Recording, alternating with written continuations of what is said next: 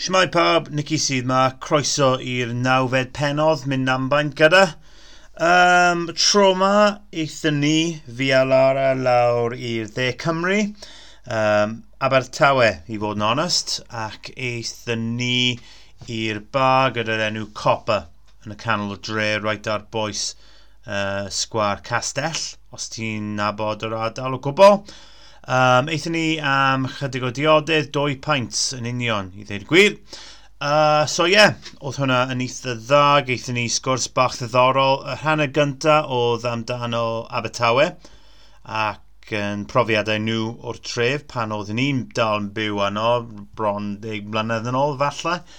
Ac yr ail hanner, oedd ni'n sôn am uh, scene punk rock yn Abertawe a uh, uh, scene punk rock dros Bryn i gyd i fod yn onest y peth fel na. A ar y punk hon, mae llawer o pobl wedi gofyn i fi am y theme tune a beth sy'n ddigwydd do hwnna. Um, os ti ddim wedi gwybod, mae'r theme tune yw hollol rip-off o'r can uh, Gotta Go gan Agnostic Front. So os ti'n chwilio am Gotta Go gan Agnostic Front ar uh, YouTube, siŵr fod byddai ti'n ffind o mas be ni di ripo off dy hwnna. So felly, ie, yeah, yn ni yn yr uh, pub, yn ni di recordio hyn, so mae sŵn yn aeth uh, noisy yn y cefndir. Paid o fecso am hwnna, trio osgoi fe os ti'n gallu. Uh, diolch am rando, a byddwn ni'n nod nôl uh, tro nesa am y degfed penodd. So joiwch hwnna, a weledi'n fi am. Hwyl! Oh,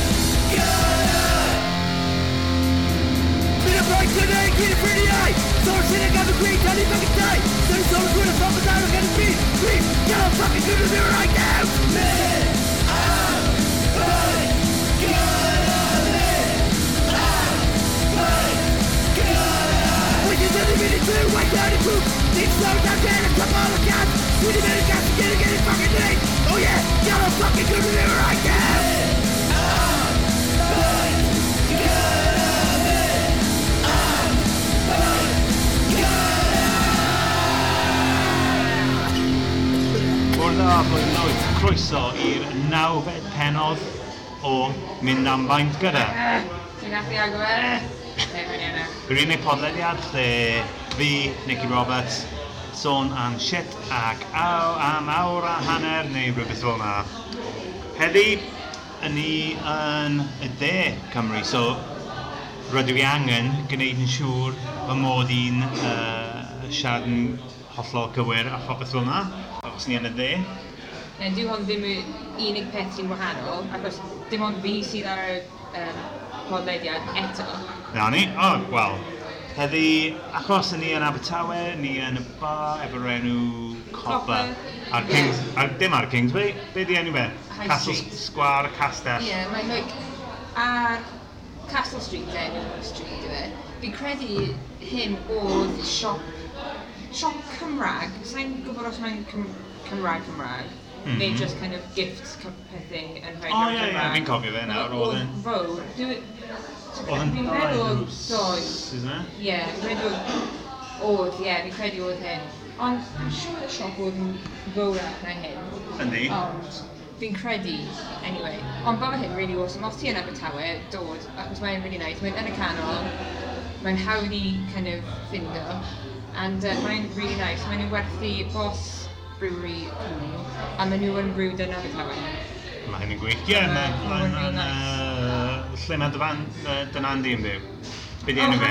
Ie, yn Harvard. Y boes uh, Liberty yn mm-hmm. So fel ni'n deud pawb, ni yn De Cymru heddi, um, yn ni mas yn y hael ar y Castle Square a phobeth. So, nawr te, Nawr te, nawr te. O'n i'n meddwl bydd e'n bwysig i wneud rhyw fath o penod De Gymru.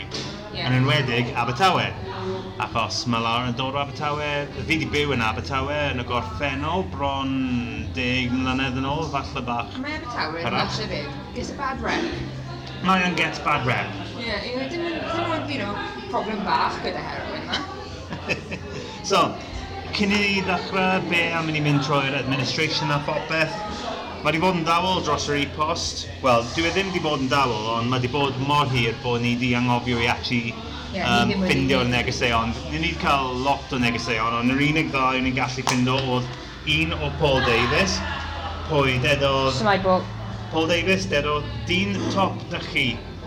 So, byddai'n cymryd hwnna. Diolch yn fawr, Paul. Pwy? Ti? Fi? Ti'n top? Ti'n top? Fi'n top? Ti? Top. O, oh, top. Top. Dim top. Top. I was like, fucking hell. Paul. A ges i neges o ddiolch Catriona ti wedi dweud Love the Podcast. Oh, diolch. Oh, gai dod i fas. Andy, na, na peth ti'n ti colli pan ni'n neud o'n ti. So, mae'n ddrwg ni pawb os ti'n gallu clywed cyddoriaeth yn yr cefnder fyd, paid y siw o fi o gwbl. Um, tro ma, ni'n ni cymryd y podlediad nôl i Roots yn y bar gyda pint go iawn Yn y a popeth. So, cyn i ni ddechrau te, a ni ie gyda? Dim actually clinking glasses, achos mae hwn yn common. Na, ni ddim yn mynd i. Ah. Mae'n deud wrth William Hanson. So, achos yn ni yn Abertawe, fel ni'n deud, o'n i moyn neud rhyw fath o podlediad sydd o gwmpas y pwnc o Abertawe a siarad am beth sydd ddigwydd Abertawe. 2010 mae lawr yn dod Abertawe. Ne, Nes ni cwrdd yn Abertawe, mae dy teulu di dal yn byw, mae Ron Fowyd y teulu di dal yn byw yn Abertawe. Popeth. So, Abertawe. Abertawe. Abertawe, be ti'n meddwl am Abertawe nawr? Nawr, Ydy fe... fi'n hynna. Fi'n fucking lyfo Abertawe, mm. hwn teg. Um, Droes i byw yma pan o'n i ifanc. Um, pan symudus i mas o Abertawe, o'n i'n like, oh, mae'n eitha bach o shit down ag we. Ond, nawr fi'n kind of, fi wedi tyfu fyny bach, fi'n actually love Abertawe. Byddai ddim yn byw yma na, achos fi'n byw yn Aberystwyth, fi'n really, really lyfio byw yn Aberystwyth. Byddai ddim yn symud nôl, hmm. ond mm. fi'n lyfo dod nôl, dim just achos fi, you know, I can get to fy nheulu, mm. fi'n just licio dod. Mm. Achos mae yn neis, mae'n dre neis, a mae lot o pethau wedi newid. Fi'n gwybod bod, like, a lot o pobl yn dweud, o, mae Gaerdydd gael lot o arian nhw'n um, mm -hmm. government neu rhywbeth. A mae'n gwir, and mae Abertawe'n angen mwy o arian, ond mae'n lot wedi wedi newid. Like, ni, mae ni'n eistedd nawr yn copper bar, ochr ar y stryd yw Turtle Bay, a mae hwn yn newid. Oedd hwnna rhyw fath o... Like, monkey bar oedd e. Wel, Monkey Bow, oedd drws nesaf, Mae hwn oedd... Um, o, oh, like a gift shop. O'n i'n meddwl... O'n nhw'n werthu teddy bears a bethau. Oedden nhw? Ie. Wow. Achos Monkey Cafe oedd... Na, Monkey oedd... Dwy ffordd lawr. Monkey oedd blaen i... Na, na, na, na, hwn oedd Monkey. Hwn oedd, ond Turtle Bay oedd like rhyw fath o siop sy'n werthu ac no, monkey, health assistant. No, Monkey oedd hanner. Y tri drws ma. So, yeah, so hanner. Dau tri.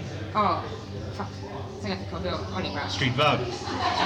Anyway, yeah, so mae'n ma edrych really nice. Like, um, Mae'n arfer angen mwy arian, siwr bod ond. Mae'n edrych really good. And um, bad rep, i meddwl. Bad rep. So beth sydd wedi newydd yn Abertawe ar er oedd y tîn tyfu fan ni? Um, so mae screen massive yn Castle Gardens. Yeah. Mae hwn yn newydd.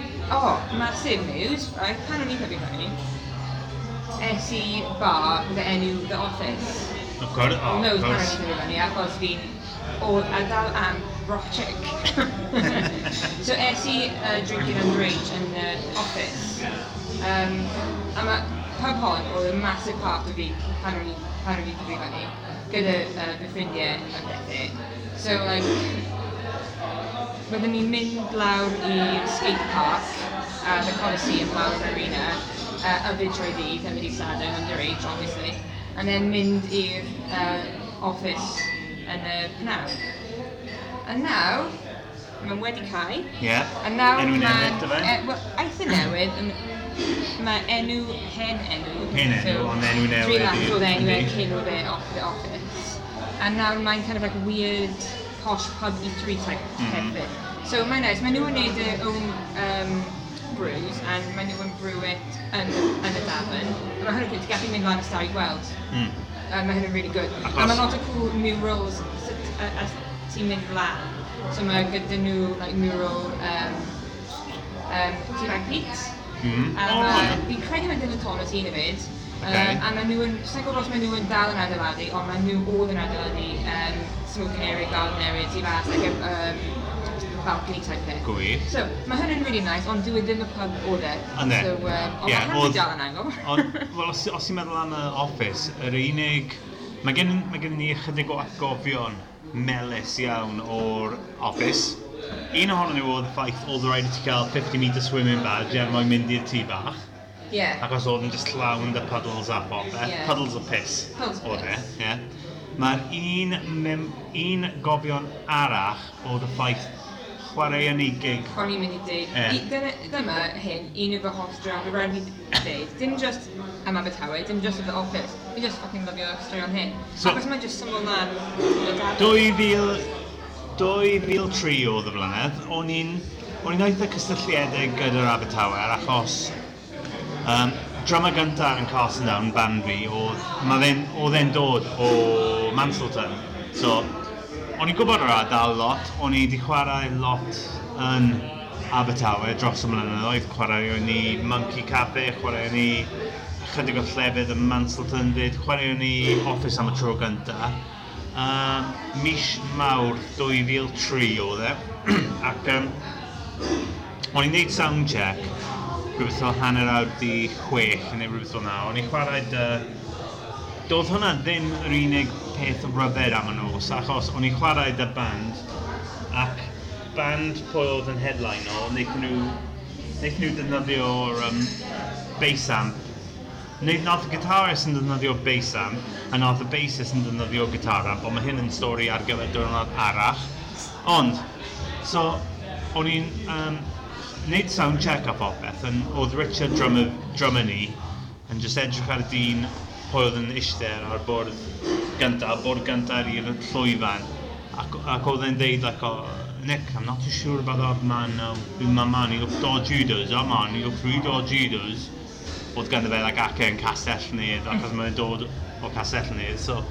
Um, ac, pan, pan gorffen ys i, pan gorffen ni uh, soundcheck, Arth Richard e, i uh, y bwrdd er mwyn gweld be oedd y dyn yn neud achos oedd ganddo fe like, bag plastic llawn o rhywbeth ar y bwrdd ac oedd o'n like, trio gwasgu fe. A oedd o'n trio like, gwarchod fe am rhyw reswm ddim yn gwybod pam ond um, wnaethon ni mynd henheibio fe. Falle fi ddim yn neud e yn swno mwy mor uh, dramatic nag oedd e ond oedd ganddo fe like, plastic bag llawn o handguns. Just fel, just fel dian. And oedd e'n gwachod e fel, like, babi bach. Neu rhywbeth. So, oedd rhaid Richard mynd i'r bouncer ar y drws yn deud, um, oh, hello, hello, hi, hi. Man, there's a man over there. Um, he's, he's, he's got a bag full of handguns. Uh, handguns in a bag. So, all right, oh, and oh, a dead other bouncer. Oh, he's back again, is he? So, oedd rhaid nhw tablu fo mas. So ie, yeah, mae hyn yw'r atgofion fi o'r office. Um, heddi hefyd fi'n gallu gofio llawer o tro o'n i yno a weld pobl yn chwarae Living on a Prayer ar y nos sadwrn. Bob un cafafan yn fel, like, oh, dyfod, I'm, I'm sure you've never heard of this one before. Living on a Prayer. John Boney. John Boney. It is my life. It is my life. So, mae ma sgwar castell de, Oh, Achos oedd e'n oedd e'n ail adeilad i rhywbeth fel 2000, ie? Yeah? Os cyn hwnna, oedd o'n like actual garden. Oedd, um, os fi'n... Am rhaid fi, fi actually cofio fe yn bod yn fflat yn Gwersi. Ond, um, yeah, so mae'n... Fi'n moyn deimlo wedi newid, ond dim lot. Mae dal street day drinkers yna. Um, os ti'n gweld, just... Yndi. Opposite, mae nhw wastad y step yna. Um, Mae'n eitha special i fi achos o'n i... Um, des i mae skateboarding pan o'n i dyfu fyny, um, all my friends, and byddwn ni'n cwrdd y tu fas McDonald's, mynd lawr i skate park and uh, skate and drink trwy ti. Skate and drink.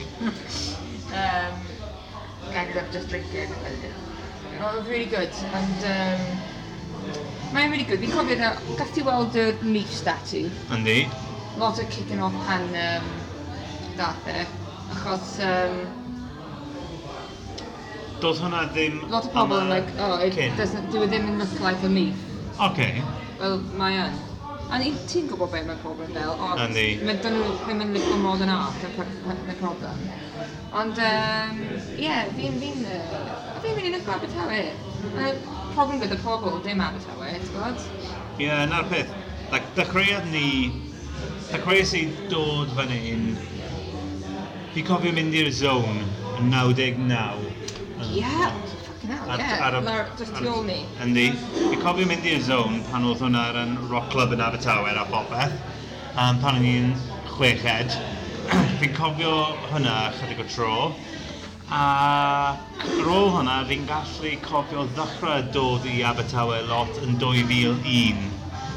So 2001 oedd y ddechrau fi actually fi'n gallu cofio mynd i weld 100 Reasons a Kellis for Heroes yn Sin City. Sin City. Pan oedd e...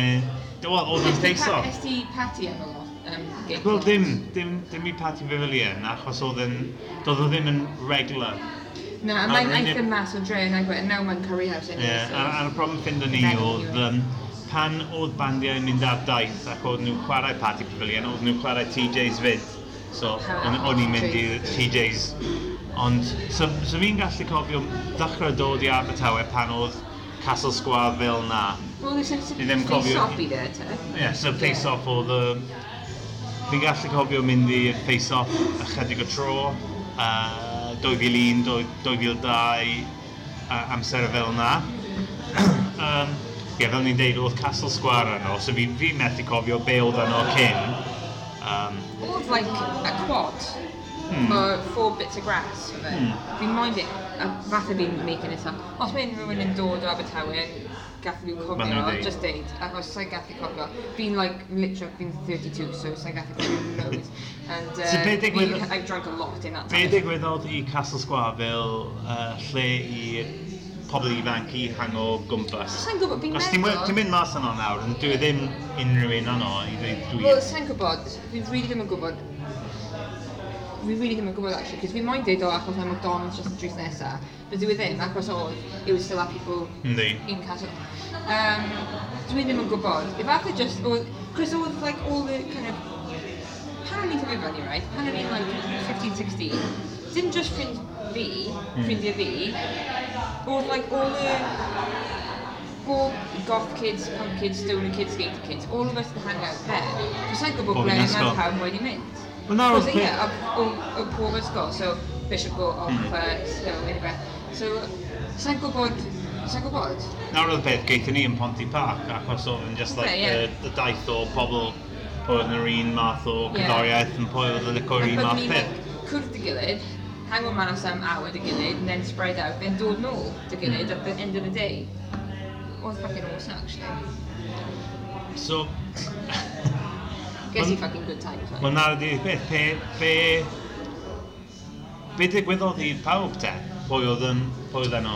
Achos, yeah. um, oedd y cefnir, Andrew, yn rhan o'r... Um... Yeah, yeah, so, na oedd y massive, like, joiner oedd Andrew, the cousin, a fi, so, a ni yn, like, really, really good friends. A na mae fe'n byw yn Taiwan, so fi ddim yn weld e lot, maybe once every two years, fath o hmm. Um, ni'n actually mynd i skype o fe heno.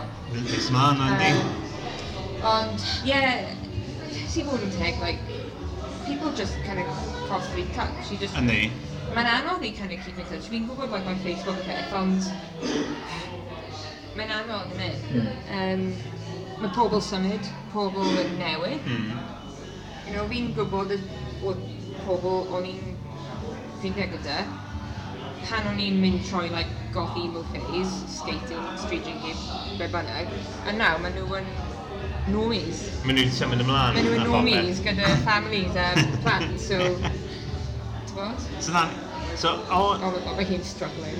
Ie, yeah, yn ni edrych trwy'r ffynest nawr i ddynes oh, sy'n wisgo like 9-inch heels neu rhywbeth. A mae hi'n really struggling. Trio cerdded lawr i roc, hen office. Beth yw'n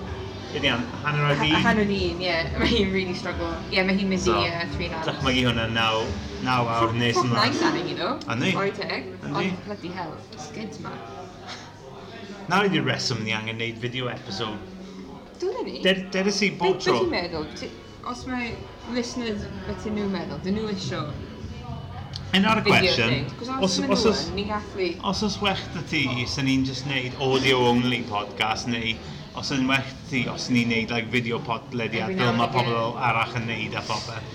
Do'n i ddim eisiau fe fod yn hoff... Like, o'n i'n erbyn y syniad o wneud o fel video podlediad achos mae hyn yn faking it, ond... Os... Mae'n hawdd i wneud y fideo yn y tŷ, yn innit? Ie. Yeah. Anodd i wneud y tŷ fas. Rydych chi o bod pawb, os, os ti'n moyn weld like, a special video episode neu rhywbeth, yn ni'n gallu wneud hwnna, just gad ni wybod, a mae hyn yn iawn. So fel ni dweud, Abertawe, o'n i ar ochr arall achos ron fwy oedd y profiadau ni gyda nightlife Abertawe oedd chwarae gigs yn Abertawe. Yeah. So oedd ti ar ochr arall lle oedd ti'n mynd, oedd, oedd, oedd chi'n mynd i'r gigs. So lle oedd e i actually mynd i gigs? Uh, lle roedd? Okay, so es i face-off lot, your office, mm. um, dan. Ie, yeah, oedd bach o scene yn Dunlun, beth oedd yn digwydd, uh, Adamite Dome a pobl yma. Ie, oedd y posh punk band. Hynny. Ie. A oedd wedi anodd i mynd i Dunlun, oedd rhaid fi gael nid.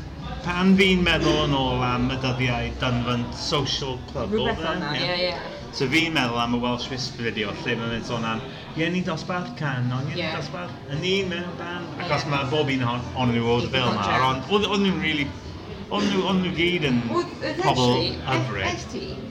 Ie, ni wedi chwarae yn dadla sy'n maith, ie, gyda... Massive room. Yndi. Uh, Patty Pavilion, un arall. Mm.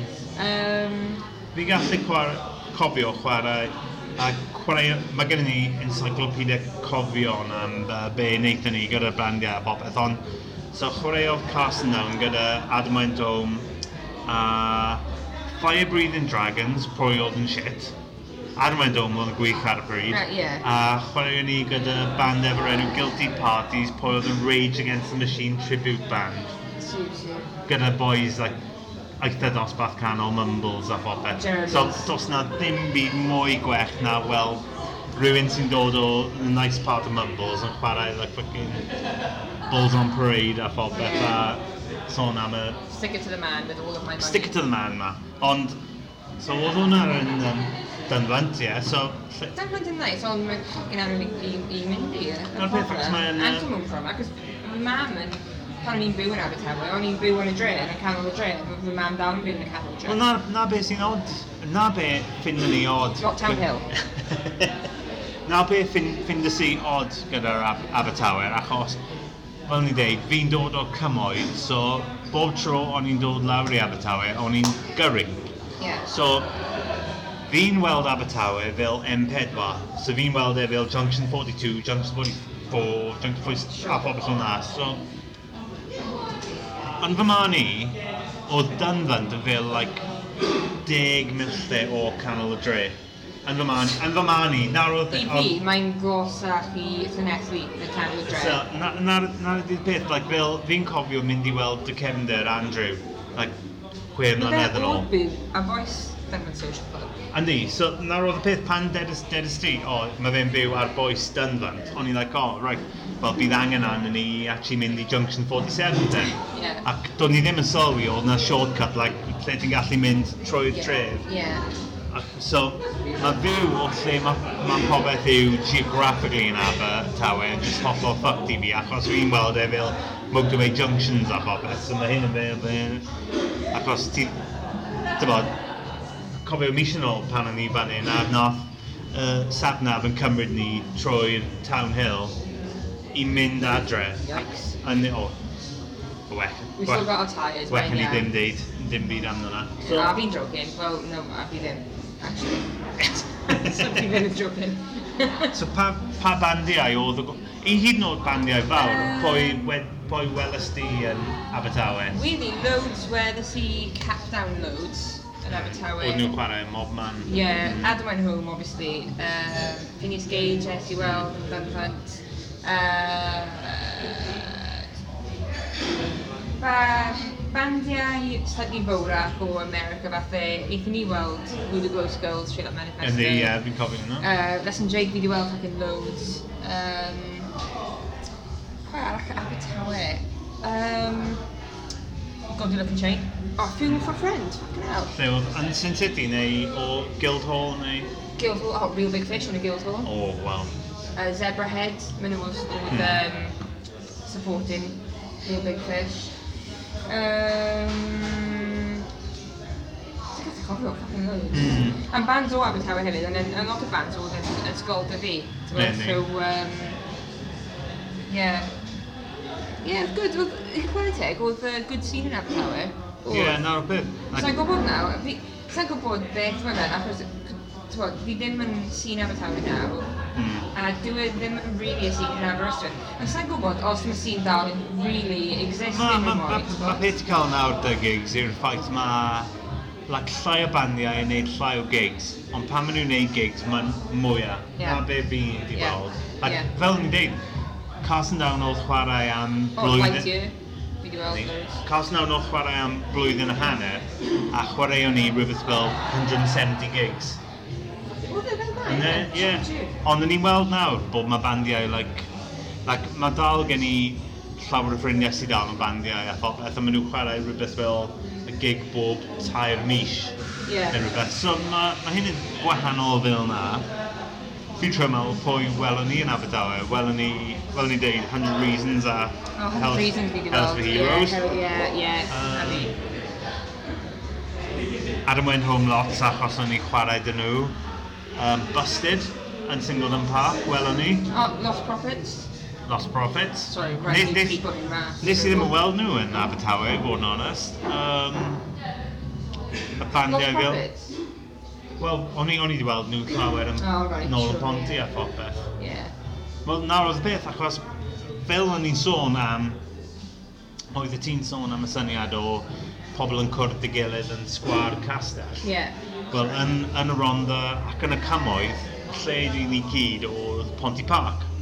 So, oedden ni'n cymysgu gyda'r un fath pobl. So, oedd ffrindiau ni yn boys o Lost Profits a yeah. oedd y boys o Funeral. Yeah. Ond oedd Funeral ar pryd, oedd Funeral, oedden nhw mewn band, oedden nhw gyd like, rhwng ychydig o bandiau ar y pryd. A, a, hanner ohonyn nhw oedd yn band efo'r enw Trip Cage ar y pryd. Oedd ychydig ohonyn nhw dal yn chwarae mewn bandiau fel Hondo McLean a popeth fel na. Ond ie, yeah, so... Like you, fi'n gallu gofio, ond wnaethon ni ddim yn weld nhw yn chwarae ni dyn nhw yn Pen y Bont unwaith. So na, So mas o'r, mas o'r cynulleid yma, mas o'r grŵp yma, nath unrhyw un wneud unrhyw beth arbennig? Os na unrhyw un di bod? Um, wo, mas o'r uh, grŵp ffrindiau? Ie. Yeah. Wel, fi'n falch iawn o fy cefn Andrew, mm. achos mae fe'n yn, uh, dysgu Saesneg mas yna yn uh, Taiwan. Mae hwn yn amazing. Dwi'n gwybod bod mae'n eitha middle class. Dysgu Saesneg fel athro oedd o'n iawn. Fel athro, fel athro. Dwi e ddim mas yn taw... Yn y school. Dwi e ddim mas yn taw yn go B, yeah. C, yeah. D. Dwi'n listen na. Then, um, pwy arall? Fod yn onest, dwi really, really ddim yn gwybod unrhyw beth arall am unrhyw un. Mm. unrhyw un i fod yn deg. Um, A dwi, honestly, dwi ddim yn gwybod, fi'n gwybod mae Andrew yn dal yn ffeindio gyda handful o pobl achos dath e, uh, achos nath e byw gyda lot o pobl. Andy, yeah. Like a handful ohonyn nhw. Ond, fi really ddim yn gwybod, and fi'n, fi'n moyn deud bod fi'n like, eitha drist, ond fod yn take, dwi ffucking ddim actually. Like, Mae pobl symud ymlaen. Pobl symud ymlaen, a like, pan ti'n tyfu, ti'n ti'n newid as a person, ti'n bod? Mm. So ti'n tyfu, sorry, as a person. Wel, ti'n cael, ti cael profiadau fel um, cofio pan o'n i yn Manceinion tair mlynedd yn ôl. Pan o'n i yn um, Manceinion tair mlynedd yn ôl. Yeah. Ac wnaethon ni bympo mewn i ffrind Andrew, Johan. O, ie, un oedd dyna un oedd rhyw e- oedd byw gyda. Andrew oedd byw gyda fe. Yndi. Fi'n meddwl na fel. Ac oedd e'n... Ac eithon ni i weld ffrind ni, Matt, yn Manceinion, ac mas o un man, hollol surprise a pop, eth oedd ffrind Matt, ffrind o Lara ac Andrew, like deg mlynedd cyn. Ie, yeah, ges i stoned fe. Nawr oedd bit Johan a popeth, yn ni dal yn, yn, ni dal yn weld be mae Jordan yn neud. Like, fi dal yn ffrindiau dy fe ar Facebook. Mae Jordan yn neud? Ie, yeah, fi dal yn touch Jordan. Hmm. Gwybod, fi ddim yn gwybod be mae fe'n neud. Um, um, girlfriend fe oh, yn, oh, mae John... Mae hi'n neud eitha'n really good gyda'r cyddoeddi. Hmm. Ni'n meddwl y fe'n gweithio dy hi o anna. Mae Jordan dawel ar social media a phobeth, yn dwi. Mae Ellery yn just Sorry. no stop a phobeth, ond mae Jordan yn actually just ti methu clywed dim byd amdano fe.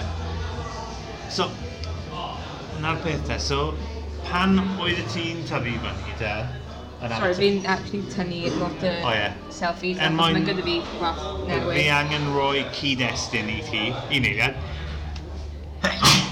Mae'n ddrwg yn ei pam. Er mwyn rhoi cyd-destun i ti, mae Lara wedi cael gwall newydd heddi, ac os ti wedi weld like, unrhyw lluniau o Lara yn y gorffennol, ni wedi gwybod bod hi'n like, gyda gwall dark brown ac heddi mae hi wedi cael uh, gwallt blond yeah. am y tro gyntaf yn ei fywyd hi, so... Um, oh, mae hwnna'n really nice. Mae hi dal yn... O, oh, mae'n gwych anfonau i fi. Anfonwch. So, mae hi really, really... Bob tro mae hi'n cael, like, golwg a na hi yn y ffenes neu rhywbeth, mae hi, like, eitha surprised boi sy'n edrych yn ôl ydy hi. Ie, yeah, fi'n... fi'n lyfio fe. Charles Fan, ffac hwnna. O, na ni. Ffac o ti, boys. So fel ni'n deud, pan oes ti'n tyfu fyny yn Abertawe, pa fath tref oedd Abertawe i ti? Oedd, oedd ti'n... Sut profiad oedd e tyfu fyny fan hyn? Mae'n really anodd, actually, i, i deud, like... Dre... Okay, fod yn onest, dre'r awesome. Ges i, so, ges i soedd da pan o'n i'n Nes i apply am y swydd pan o'n i'n 15, ges i swydd literally day I turned 16, o'n i'n gweithio yn Dybu Smith. What Smith? What? What? What? What Smith? Ac um, that was the first job I applied for, ges i swydd. O'n i yno pedair mlynedd. Um, so, mae hwn oedd amazing, o'n i'n gweithio o SE school, ysgol, ac o'n i'n gweithio dros uh, bob penwythnos. Um, ar o gwaith, mas y ffrindiau, um, mynd i gigs. Um, oedd really, really da, ond achos o'n i'n yn y grŵp o pobl sy'n neud, a, sy'n neud pethau fel yna, mae'n oedd hawdd i just neud e. Mm -hmm. Like, i fi, as the person I am, oedd amazing. Sa'n so, gwybod, you know, Oed... fel oedd y chwaer yn hollol wahanol i fi, mm. mae hi'n hollol wahanol. Oedd bron dy ffrind, oedd bob un o'r ffrindiau di yn byw o gwmpas Sketty, canol. sketty Oedd e? mostly, yeah, sketty. Um, es i ysgol yn Bishop Go, and sketty, so I knew the area, so Mm. oedd hawdd i'n mynd. And hefyd, fy mam yn, yn, yn byw yn Mount Pleasant, and mae'n hawdd i just cerdded i Uplands Mm. a sketty for 20 minutes o ti fy mam, so, you know, my friends were in walking distance Mm. So, um, it was amazing actually, ges i ddim yn really timlo unrhyw beth negatif i fod teg tan symud sydd mm. um, away. Mm. Um, a nawr, i dod nôl, fi'n really, really licio Abertawe. Fi'n moyn dod am, am y weekend, bod? Mm. So pan, no, pan, pan oedd ti'n uh, 17, 18 neu rhywbeth hwnna, achos eist ti prifysgol Abertawe fyd, oedd ti'n fel uh, ac, ac sôn am pop-punk sensibility a popeth, oedd y ti'n I hate this town o oedd y ti'n like na, I love this town. I love this town. Ie, yeah, o'n i'n really bad pop-punk kid. So. Wel, ie, yeah, o'n i'n gwrando, cos fi'n cofio, mae hwn yn really weird actually, fi'n cofio pan o'n i'n ifanc, o'n i'n gwrando ar Leslie Jake o'n i'n like 15 or something. Mm. And mae pethau fel, like, you know, and I swear, it's the last time. And I'm like, about getting out of your hometown. I do, yeah. And Nes i ddim yn... Beth yn teimlo fel Wel, oedd yr album na, Borders and Boundaries, oedd hwnna yn like, rhyw fath o concept album am yeah. dy hometown di. Yeah. Ac oedd nhw'n sôn am hwnna, ac eithon nhw, eithon nhw chydig bach bechach a GMVFLA, ond oedd yr album na, mae bob un can, o, os ti'n mynd trwy'r caniau yma, maen nhw gyd yn amdano syniad o adael neu aros yn... Neu aros. Yeah. 1989. Uh, mae'n fel na. Yeah. Look what happened, yeah. mae'n fel na. Happened, yeah. And fi'n fi cofio, pan o'n i'n ifanc hefyd, fi'n naw hefyd, fi'n fi cofio am pan fi yn gwrando fi'n like, fi ddim yn teimlo fel that, I can't relate to that, achos, you know, I, nes i ddim yn moyn actually well, nes i, nes i moyn symud, hmm. just achos o'n i moyn symud do'n i ddim yn like, o fi'n desperate i fucking symud mas achos mae'n yeah, fucking shit. Of course. Na, fi ddim yn teimlo fel yna. Fi dal ddim yn teimlo fel yna. Ti'n bod? Uh, no. Especially now, achos like, now mae'n Abertawe yn really fucking nice. A dwi ddim yn just un hynna achos fi'n hynach. Mae'n yn nice now. Be o ti'n meddwl? Fi'n meddwl mae'r ma, ma Abertawe wedi gwella lot dros y mhm. deg awr diwetha. Mm. Really, really lot. Yes, Ti'n gallu yeah. weld bod mae'n... Um, like, mae'r Abertawe yn cael yr un problem mae mob man arall wedi cael a bobeth. Mae'n rhywbeth fel like, the hom homogenisation o'r, or high street ni. Mae syniad bod mae ti'n edrych ar bob un stryd fawr yn Bryd gyd a maen nhw gyd yn dod i mewn i'r un peth. Mae ganddyn nhw gyd, like, un McDonald's, un Poundland, un, mo well, 28 mobile phone shops. Yeah. Uh, vape shops. Paddy Power, a vape, sh 29 million, vape, vape shops a fod. Mae hyn yn ddigwydd mob man o, so dyw hwnna ddim Abertawe yn unig. No, mae hyn yn, yn rhywbeth unwaith, dim just like uh, capital o canol o Ti'n gael yn mewn, like, one team. Yndi. So beth sy'n be sy ddod Abertawe nawr ydy'r ffaith mae... A dwi ddim yn gwybod os mae'n cyngor neu os mae'n llywodraeth neu pwy bynnag sy'n actually neud e, ond Mae'n ma ma ma ma teimlo, mae nhw'n ymddangos i fod mwy fodlon i roi y cyfle i busnes, busnesau independent a phobl. Mae'n lot o Os i'n mynd, os i'n cerdded i fyny High Street nawr, mae'n llawn ma da ma pobl sy'n actually... A mae, mae, i fod yn teg, mae... Um, beth yn gair... Mae'r cyngor wedi... Um, beth y gair... Cyngor oedd y gair gyntaf. Recognised? Recognised? Adnabod? Adnabod, ie. Yeah. Fy cyngor wedi adnabod ble, bydd, ble, ble mae problemau yn uh, yeah, bodoli yeah. exist. Yndi. Um, and mae lot o hwn yn, um, yn y high street. A mae problem masif yw, you know, mae pobl yn dod mas o'r um, gorsaf tren and they yeah. get the high street. Neu, maen nhw, os, ti, os maen nhw ddim yn mynd lawr, bydd angen mynd lan, a mae hwn yn, yn, yn, yn worse. Yndi, ie. Ti'n So, um, yeah. So maen nhw wedi kind of ne trial yn anyway, newid a, a um, develop. Datblygu. Datblygu. Mm. mm. Y teimlad, beth yw y teimlad. A maen nhw wedi kind of datblygu y um, slaeth. Yndi. So mae lot o pethau wedi newid a wedi agor wedi tyfu. Um, ond, ti'n bod, dwi e ddim yn, yn, yn digon plato. Dwi e ddim. Mae'n ma, ma, ma dal yn angen, angen pethau. Ond, heddi, ffac fel, mae tywyd yn lyflu. Mae yn nawr, ie. Dod y sydd uh, coffid. So mae hyn yn amser dar i mynd am bach o hoi pan ni'n prynu paint newydd. Um, we haven't got any sponsors, so there's not going to be any sponsor message, but just imagine there is. Ysbrau Pub yn un ôl, Pwaint Newydd. Beth ti'n yfed? Bloch, beth yw enw cwrw? Wel, mae'n... Bos Blond. Mae'n perthnasol eddi, ac mae'n Bos Blond. Bos Blond. O! Oh, yes. So nawr, uh, cyn i ni mynd yn ôl i Abertawe, efallai mae'n pryd i sôn am beth sy'n ddigwydd, achos yn yr podlediad diwetha gyda Kirsten, um, Machynlleth Gwyl y Comedy, oeddwn ni'n sôn ychydig bach am y syniad ti ddim yn gweithio yn siop pethau bechach. So, beth sy'n ddigwydd dy ti? Fi, oce, okay. dwi'n gweithio o siop pethau. E. A o'n i'n gweithio am spell, literally, month a hanner falle, yn y petrol station. yeah. Ac uh, mae hynny'n okay. Fe'n iawn, pobl o lyflu. And uh, nawr fi'n gweithio fel Business Operations Assistant, darling. Yn, uh, gyda'r cwmni gyda enw Epic Militarian i'n werthu pethau uh, World War II memorabilia a outdoor stuff. Mae hynny'n really cool. So basically fi sgwennu pethau am y gwefan nhw a fi'n, actually, mae'n amazing achos fi'n, some pethau yw surplus, uh, reproduction type pethau, ond fi'n gael, like, well, ges i pair of binoculars wythnos diwetha, sy'n actually dod o 1942, oedd, like, used by the German army. Mae Yn hynny'n y rough- amazing. Yn y rhyfel.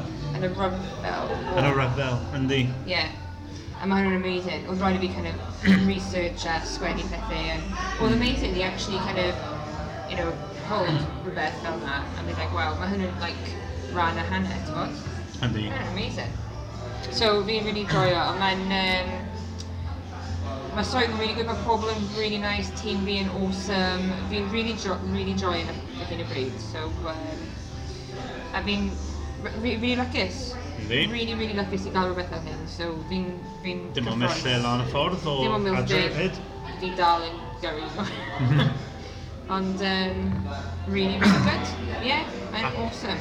Ac ers y dro diwetha, achos um, pan recordwn ni penodd o diwetha, y dynod nesa, o'n i'n mynd i Lewton, yeah. ac eithon ni i Ffrainc. Yeah. Am chydig o dynod er mwyn mynd i weld Punkin Druglic yeah. yn Ongwylem, o'n Ongwylem. Yeah.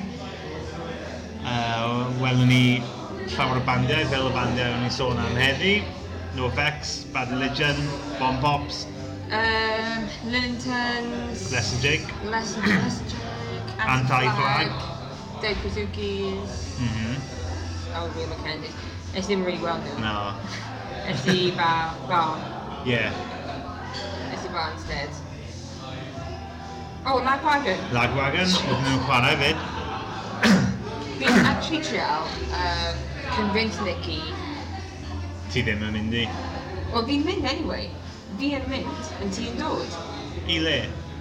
Real big fish, oh, sponge, like you. Oh, man. Sit the fuck mask. Even os, even neges... os, fi'n gwybod, even os, right, a fi'n hapus i wneud hyn, fi'n hapus i dalu full price and just mynd i weld lightyear, honestly. A os maen nhw'n agor siw, ni'n gallu mynd. Dim angen i Dyn Dyn ddim yn agor achos mae sponge yn agor. Fucking hell, is it that bad? Mae hyn yn that bad. Yndi. There's a joke in there Sit. about that song we got gyda enw Ego sut mae Sponge? yn... Fel yn deud, an, anfonys i, anfonys i neges i ti a chynrig heddi, a defnyddio si y term, sut y ffoc mae Sponge yn dal yn stilyn y lifin heddi, achos maen nhw ofnadwy. Maen nhw yn. Oedd nhw, like, 2001, oedd pawb yn deud wrtho fi, like, oh, mae ganddyn nhw, like, can, kicking pigeons, mae'n gwych, mae'n gwych, a ro'n i, like, mae hyn y shit. A os ti wedi deud iddi fi, like, 18 blynedd wedyn, byddwn ni yn Abertawe dal yn sôn am fucking sponge. Meddwl am bob un, bob un band nawr. Meddwl am bob un band oedd ti'n ddeco, pwy wedi cael y drop, a maen nhw'n gwneud swyddi go iawn nawr. A well, mae sponge yn dal yn mynd. Where do nhw, like, drown, they, they, didn't drown a guinea pig in a bath. Oedd hwnna yn y can Kicking Pigeons? Yeah. Ddim yn gwybod. I went home, got a guinea pig that I stored in my mate's fridge, grabbed the thing around his throat, put it in the bath and did it Kicking pigeons in the park. Os i ddim yn gwybod be ni sôn am nawr, ma, ma, oedd, oedd na band ar y UK punk scene uh, bron 15 mlynedd nôl gyda'r enw Sponge, mae S-P-U-N-G-E. New brackets. Oedd nhw'n dod o Gloucester, fi'n meddwl, rhywle fel na. So oedd gan dy ti... Tutu, meddwl ys bod sponge oedd slightly bigger than light year. Mm, dim o gwbl na. Fuck me. So pan oedd gen dy ti like, bandiau fel Capdown, probably boy oedd like, the band mwyaf yn y scene ma o like household name math o yeah. bethau a bobeth. Ar yr un pryd, pan oedd, oedd gen ti bandiau fel Capdown, boedd yn ei cyddoriaeth meaningful a bobeth, yn actually da. Oedd gen ti bandiau fel Sponge yn sôn am y kicking pigeons a cacennau a phopeth. And... Yeah. So, kicking pigeons in the park oedd e. I just stopped because it got dark. Dyna'r uh, geriau. So mae band like di, maen nhw wedi gwneud yr album Chris Gentleman, Hairdresser a Railway Bookshop. Yeah. A mae hyn yn gwych achos oedd hwnna fi, o'n i wrth modd y syniad o'r album ma, achos oedd e'n rhyw fath o concept album am y band split yna. Yeah. Right, o ddechrau i yr diwedd, oedd o just like, um, well, un o'r concept albums gynta, just am syniad o band breaking up. Yeah. Oedd gen ti, be oedd yr enw'r can yn y, uh, oh, 200 kebab shops? be yeah. oedden nhw'n just sôn am like, mynd ar daith. Yeah a mae'r llunell be maen nhw'n deud, like, oh, there's 600, 600,000 whatever, blah, blah, lines on the M1, and this isn't fun. Yeah. And then maen nhw just fel, like, well, there you go, mae band i wneud. Ond y problem with that, like, yw'r yw ffaith maen nhw wedi bod yn just wneud last tour ers 15 mlynedd. Ni'n mynd i'r gig hon, dwi'n gwybod hon. Ni yn mynd. Fi'n desperate i weld light your tour. Fi'n cofio pan chwaraeon ni... Dwi'n mynd i prynu tocyn yna nawr, diwedd y mis. Dwi'n mynd i. Ti'n gallu prynu fe, achos bydd Real Big Fish a You Euro Record not online. a fi denied y mortgage. Dwi'n, ie. Fi angen security clearance ar gyfer oh, fy swydd. Dwi'n gwybod bod ni'n, like, moan, ond Dwi'n meddwl Real Big Fish yn alright. Fi yn esu cyfle album. Fi'n esu cleared at the moment. Os fi'n dall, os fi'n gwrando i Real Big Fish, like, When my SC clearance is new, will be, no. Wel, na ki, ni wedi bod yn edrych ar... Un o'r eisiau dwi'n mynd, cheer up. oh, bloody hell. Achos bydd ti'n sell out. Mm. Oh, bloody hell. Fi'n gwybod nawr, fi'n gwybod pan ni'n sôn am pethau fel na, a ni'n colli ran fwy oedd o uh, listeners ni, ond fi'n gwybod bydd Martin Arnold yn fan hyn, like, this is the greatest, carry on talking like you are. Yeah. Fi'n gwybod bydd hynna fel yna. So, yeah, real big fish. Oh, dear God. Dear God almighty. Real big fish. Be ti'n gallu ddeud am real big fish? Dim lot. Gallwch chi dyma ddo? a geithon ni i weld Punkin Drublic. ac oedd y bandiau yma yn mor gwych a popeth. Hyd yn oedd y bandiau crap fel Mackenzie's a popeth. Oedd dal gan nhw like, bach dychmygu yn y, yn y canol o hwnna, real big fish yn just dod mas. Ie, o'n i'n siarad am pethau gofyn nhw. Ond cos diwetha ni. Fel, like, that fat wreck sound. Fi di byd yeah. ddim yn actually fit o mewn. Mm. Ond ie, yeah, ni'n mynd. Even os... Um, Acos, sorry. Ddoe waith, o'n i'n siarad am ska music, cos fy bos yn licio yr un fath cydoreth as, mm. as hmm. we do. And I'm like, oh, fi'n trial convince Mickey now, achos fi'n really moyn mynd i'r gig hyn. A wedyn oedd e, well, where do we just go and not go into the real big finish? Achos nes i'r un peth, the y one the years and the Mayday Parade. Wnaeth ni gadael cyn Mayday Parade, so mae hyn yn rhywbeth gyda blaen. Be os oedd Mayday Parade yn actually awesome? Wel, dyn ni ddim. Oedden ni yn... Um, be di enw... O, oh, be di enw'r pub? Ar boes y ffordd... Ar, ar draws y ffordd. O'n i'n ID'd so I can't remember the name of the pub, ond... Wel, o'n i'n arfer gyda Ryan, ffrind fi o yeah. Caerdydd. A tro diwethaf hefyd, o'n i'n anodd. A tro diwethaf, yeah. pan eithon ni weld Newfound Glory, yeah. oedd yn troi fan i. Yeah, so oedd hynna fel... So be fi'n meddwl? Ie, yeah, ni sôn am y syniad o Fat Rex a bobl yn be sy'n neud. Mae'n oedd y ffenomenon hefyd. Hmm. Gath uh, Fat Mike a lot o um, mooners Ond ti'n cael... Mae'r ma sŵn yn dwi, ti'n cael y sŵn a popeth yn ti'n gallu dweud, o, oh, mae hyn yn fat Rex am. Yeah. A y the peth sy'n really good dde, rhywbeth fel hyn, yw ti'n gwybod bod almost popeth a record label fi ti'n lico. That's a good na, side of it. Na be sy'n dda, pan ti'n... Mae gen, ma gen ti chydig o record labels lle ti'n mwy fodlon i roi cyfle neu roi y chance. They're like epitaph, household name. Na'r peth, so, so di meid, o, oh, os, os mae band yn chwarae, mae'n ni'n dweud, o, oh, mae'r ma band yn chwarae, o, oh, pa fath band yn nhw? O, oh, maen nhw ar Fat Wreck. Yeah. So, no, okay, so, yeah, cool, yeah. Ac, achos, naw tro mas o dig mae Fat Mac yn cael ein gwir. Yeah. Like, mae Tilt, uh, yeah. Screw 32, Groovy Ghoulies a phobeth, ond y rhan o'r amser maen nhw'n ma hollol gwych. Yr un peth da household name fyd. Yeah. Hyd yn oed, fi ddim eisiau dweud hwnna, ond Moon Sky Europe oedden nhw dal. Rhan fwy'r bandiau yeah. da. Ges i lot o Moon Sky compilations, fi ddeud lot, two. I think there were only two anyway. Ges i 100% Cant y cant. Yeah. Oedd Epitaph fyd. Epitaph, yeah. Yn yr un fath o peth. So, so mae'n cool. A mae lot o nhw yn pobl lan na, fe fyd. Mae'n rhaid ni kind of really look at that. Mae lot o pethau yn pobl lan. Mm. Uh, Ac, So ar ôl hwnna, eithon ni i Birmingham er mwyn gweld y Bomb Pops yeah, chwarae headline was, show. Mae hwnna'n amazing, like, mae hwnna'n stubborn. A mae'r support acts were really da, really, i fod yn peg, they were really good. Mm.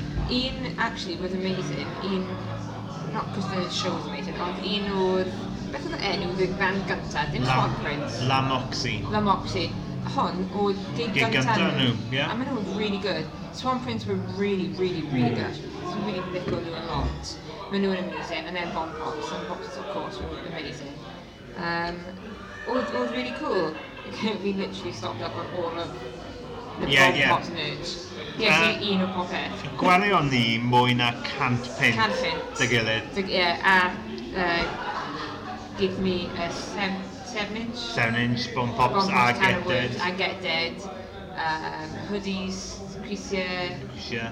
um, badges, Stigeri, oh it's banging. A hefyd, cwrddwn ni Jen, Bomb Pops. yn- Dwywaith yn mis Mai. Ffrainc. Yndi. And um, uh, nath hi yn actually cofio ni, which was amazing. She's like, oh, friends, right? Yeah, I remember you guys, friends. It's like, That's what she sounds Oedd hwnna fel na, ie. It's like, oh, thanks guys. A peth da acen hi ydy'r ffaith bod pan ti'n neud e, ti'n swnio fel ti'n cymryd y pus. Ie, yeah, no, mae hi'n swnio fel Ond mae hyn yn, yn, yn union fel na. Yn union fel yna. Squeaky yeah. California. And rhaid fi dweud, right, one of the nice Perth people, fi... A does dim hawl, does dim hawl dy ti fod yn nice, na'r beth. No, of course. Ti'n gweld pobl fel yna, maen nhw'n really, really yeah. golygus, maen nhw mewn yeah. band cool a phobl. Yeah. So ti'n disgwyl iddyn nhw fod like, hollol cops. O, oh, o'n i'n disgwyl. Ond, like, honestly, one of the nice people fi wedi, wedi cwrs like, honest to God. Hmm. Lovely, nice, genuine girl. Hmm. Yeah, the band yn amazing. Yndi. A ni sôn, os ti ddim wedi clywed amdano ni pawb, ni sôn am y band gyda'r enw The Bomb Pops.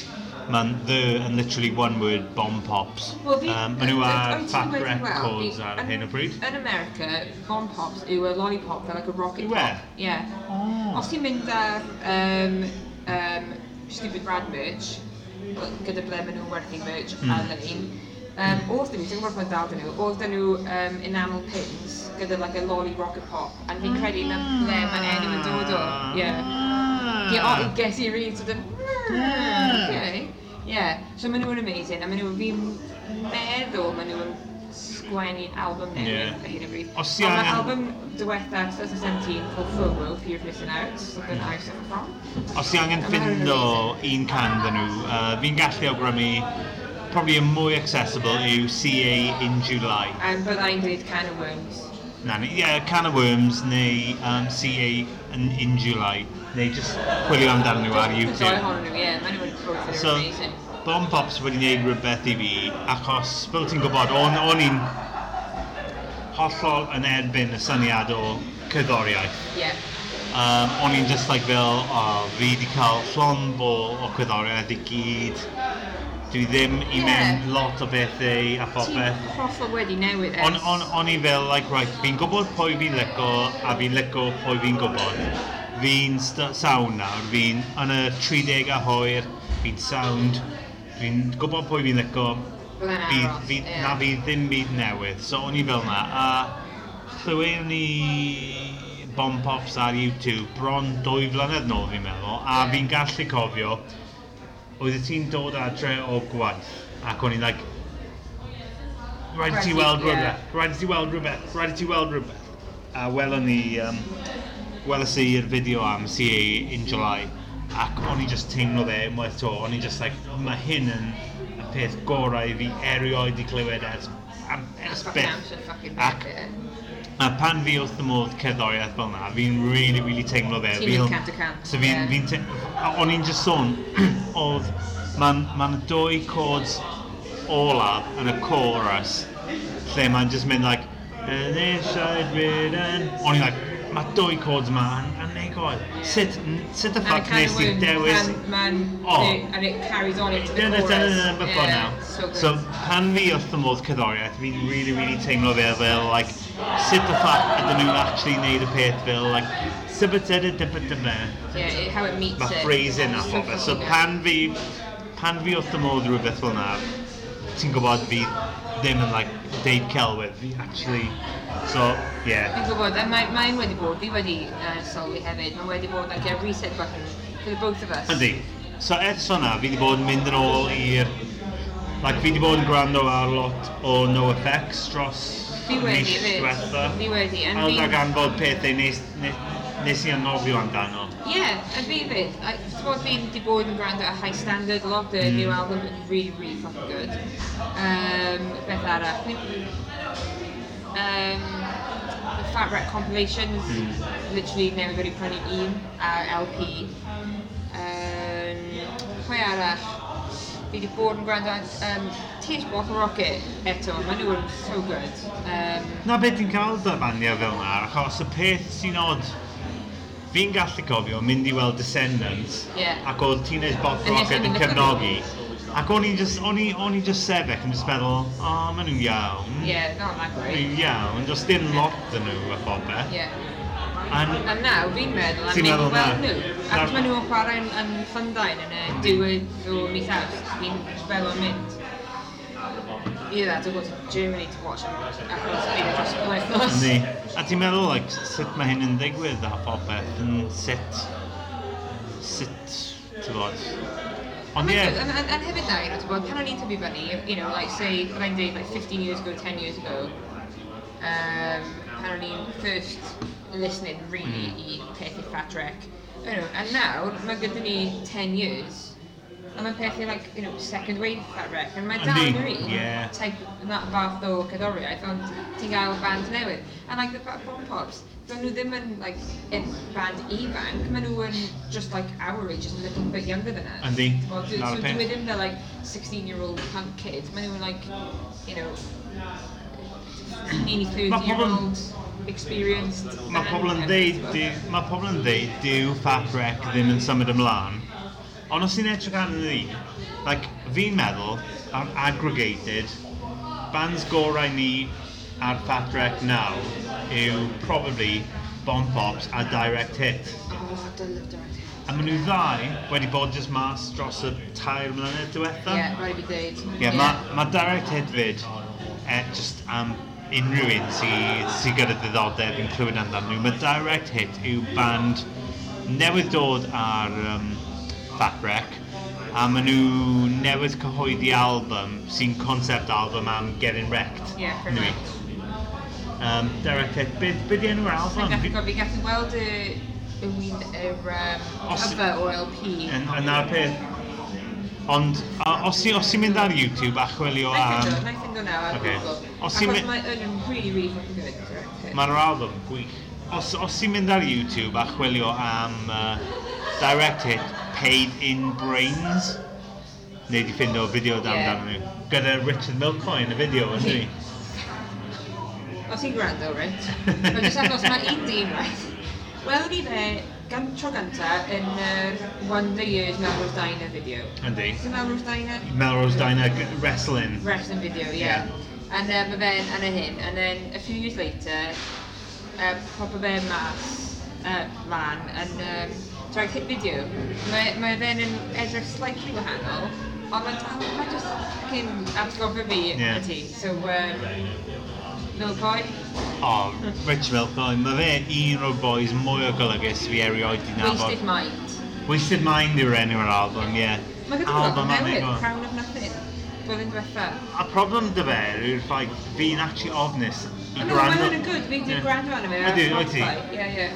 A problem dy fe fel ni'n deud, y problem yw... Peidio... Ti'n gweld, mae'r last song o'n i gwrando yna, The Marxist Brothers, No Effects, Walter Moss Clothing. Wasted Minds oedd mor dda, fi'n atio ofnus i gwrando i unrhyw beth arall.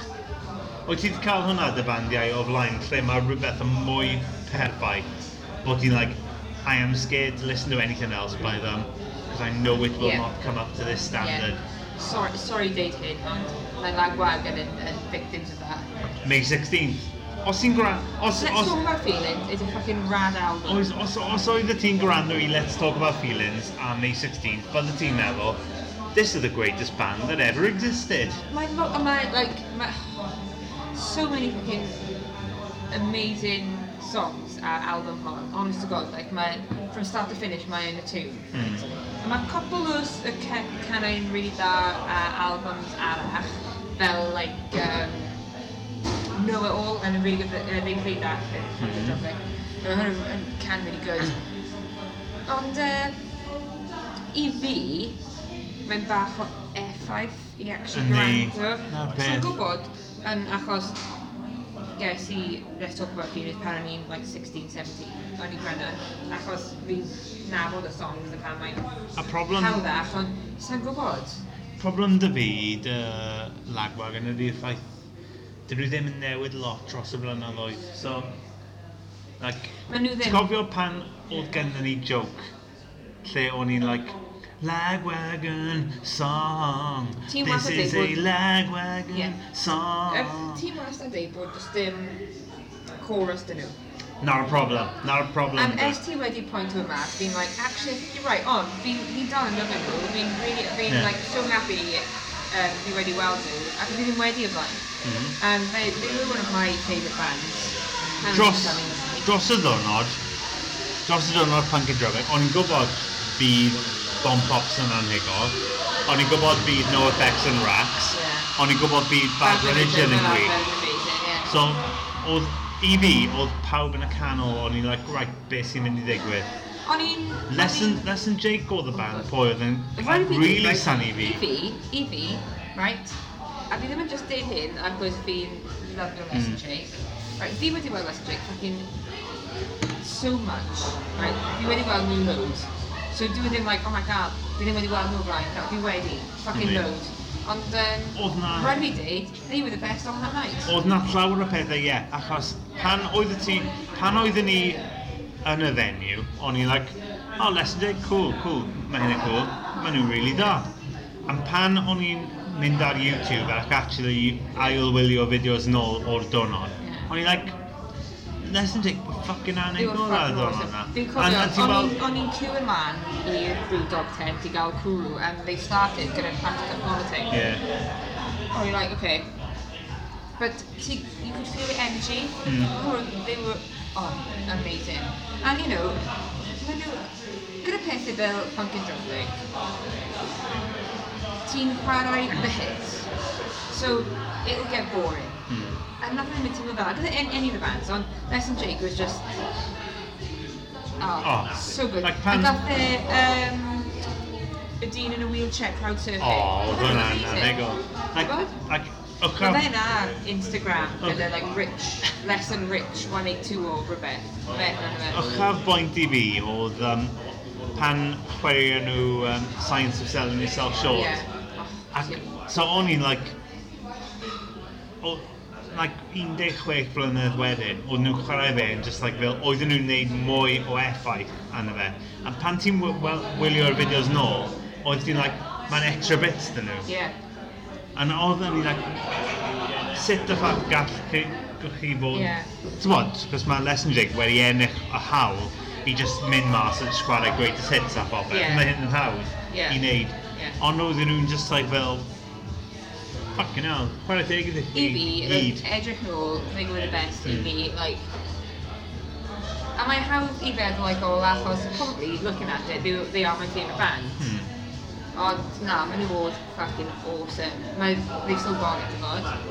And you know, fi'n cofio, fi i, i weld as a drink 10 years ago, 15 years ago, that's amazing, amazing. Now the problem, o'n i'n O'n i'n eitha gyffroes i weld anti-flag. Fi'n fi galw nhw anti-flag achos oedden nhw'n really keen am y syniad o anti-flag. Anti-flag.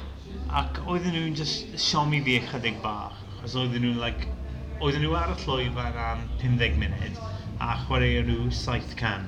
Mm. Ah. And the math doesn't have to be brilliant there to work out. That's about nine minutes a song. Yeah. O'n i'n syni, ac yn eithaf, fi actually nabod lot more o songs na mm. o'n i'n hmm. feddwl. Of course. Ond Ac os dwi ddim yn like, massive fan o'r Cymraeg, fi'n licio nhw, byddai'n gwrando ar nhw, um, pan mae Spotify yn...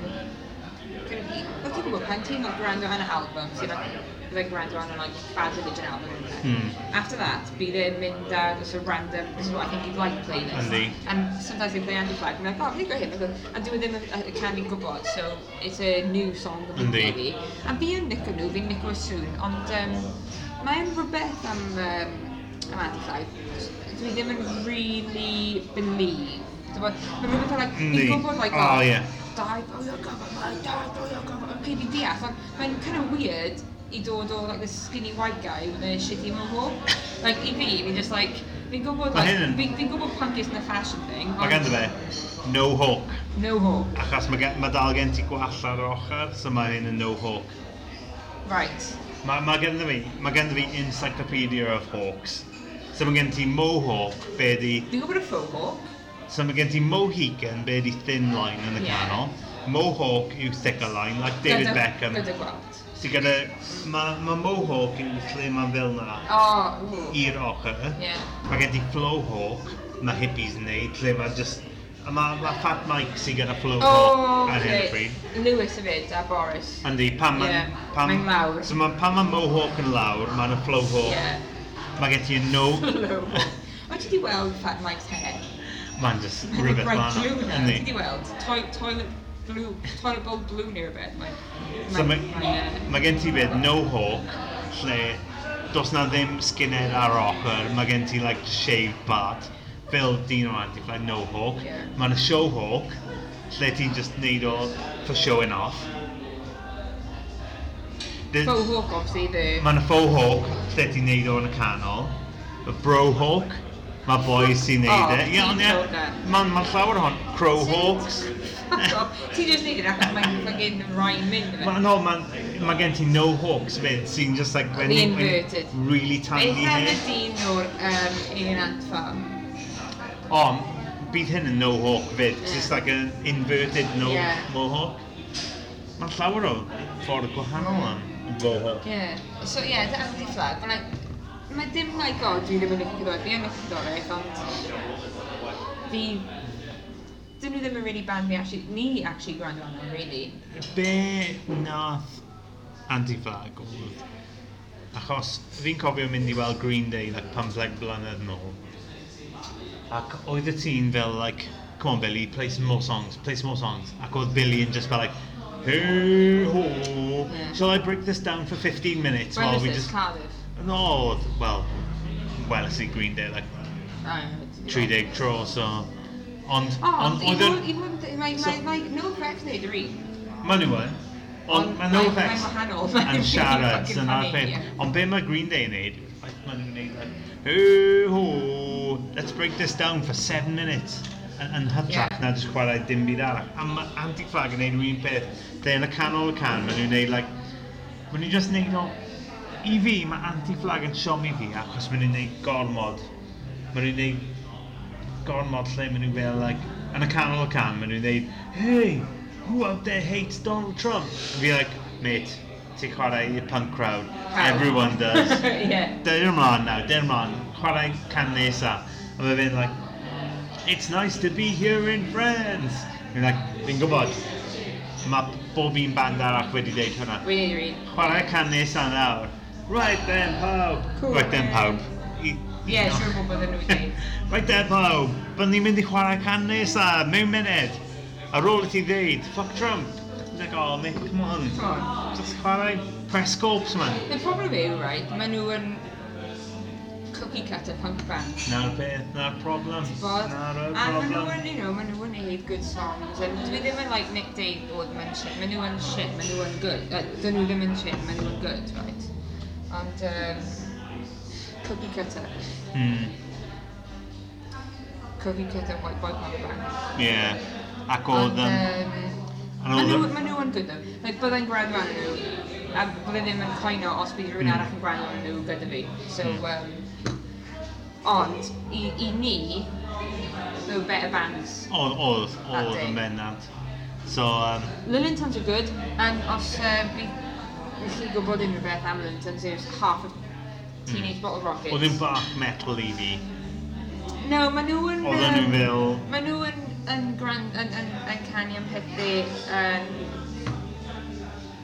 uh, weird, maen nhw yn like sci-fi stuff. So maen nhw'n really good. Well, maen nhw'n bach ond, you know, dyna ble mae Soon Fat Wrecked o do power metal. Gwyn. So. Ond pan weles i nhw ar y llwyfan gyda Flying Bees, o'n i like, this is an ash gig.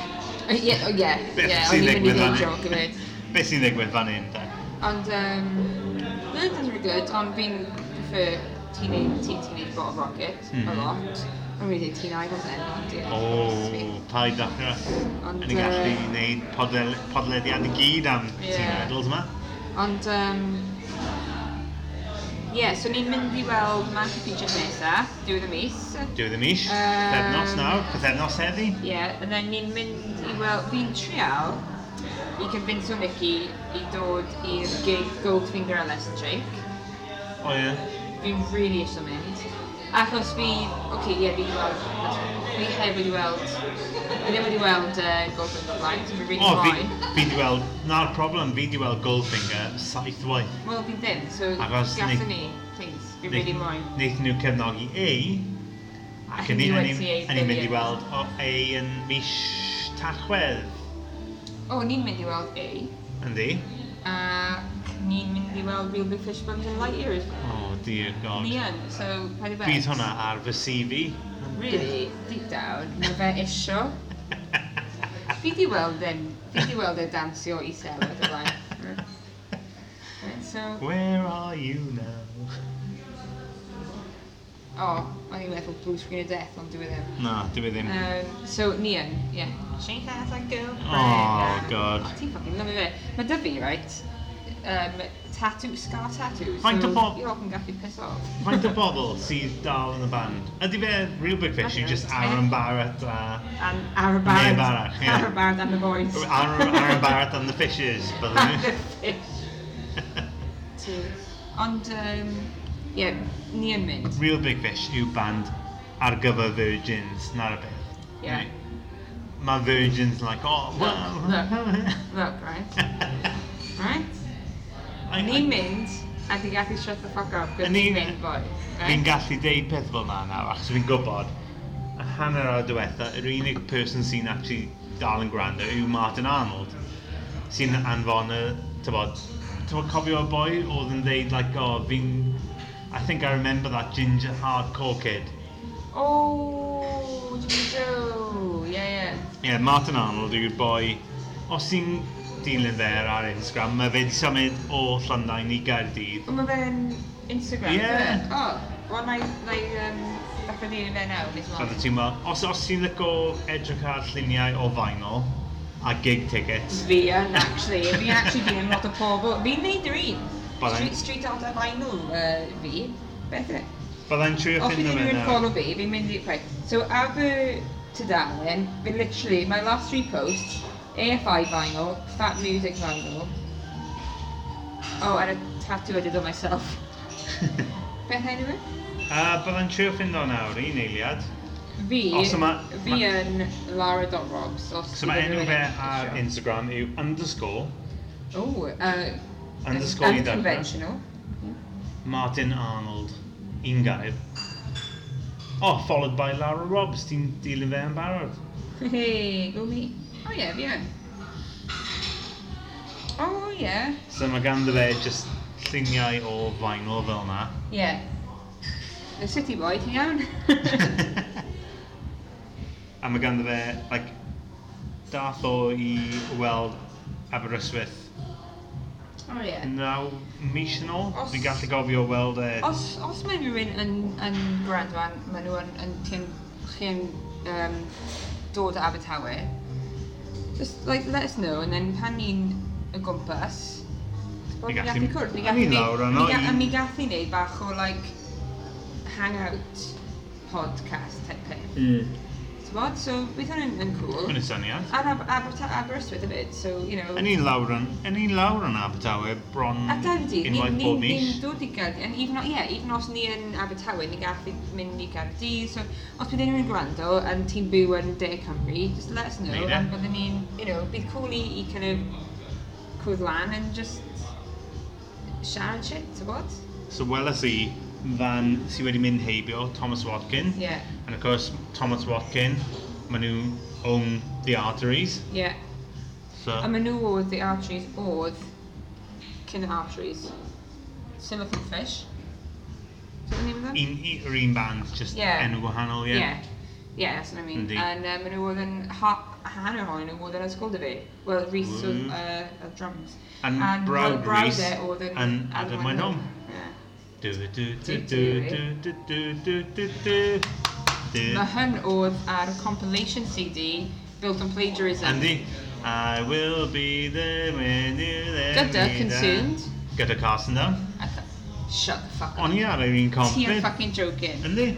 That's with um, memories. No, mae hyn yn Raggedy Records. Oh shit! Is it? Yndi. Built on Pages yw PFF Records. PFF Records, yeah, or Mm. the like a greyish cover to it, Mhm. yeah. I remember because thinking that it, Getty album what's it called? Single book six. Getty CD. Mm-hmm. Why the fuck are you hitting on your out of track five? Track five constantly. It was consumed. I was like, why the fuck am I hitting can fucking awesome. It was consumed. And we Wake up a smile. Yeah. Mm-hmm. Two. Absolutely two. Yeah, um, of um, Casna Molly arno fe, track 20 neu rhywbeth fel yna. Fuck off. Yndi. Do do. Robert. Best rip-off of Blitzkrieg Bop there ever wedi bod. Fi gwrando ar hyn, i'n mlaen te. Na ni. Byddwn ni. Oh, so, good. Falle mae hyn yn amser i wind waino popeth i fyny. Ie, yeah, rhaid fi deud so, dweud. Fi moyn just deud, sorry, os uh, fy Cymraeg wedi bod yn shit, achos nawr gyda gwaith, fi ddim yn, yn, yn gwrando troi Cymraeg.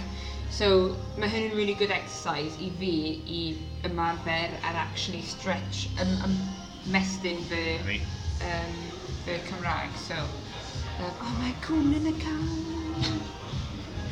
Na'r bod yn pan ti'n gwneud podlediad nes ar ei ffenest. Ie, yeah. yeah, so uh, fi moyn dweud sori os fi'n wedi bod siarad you know, fi'n gomod o Saesneg.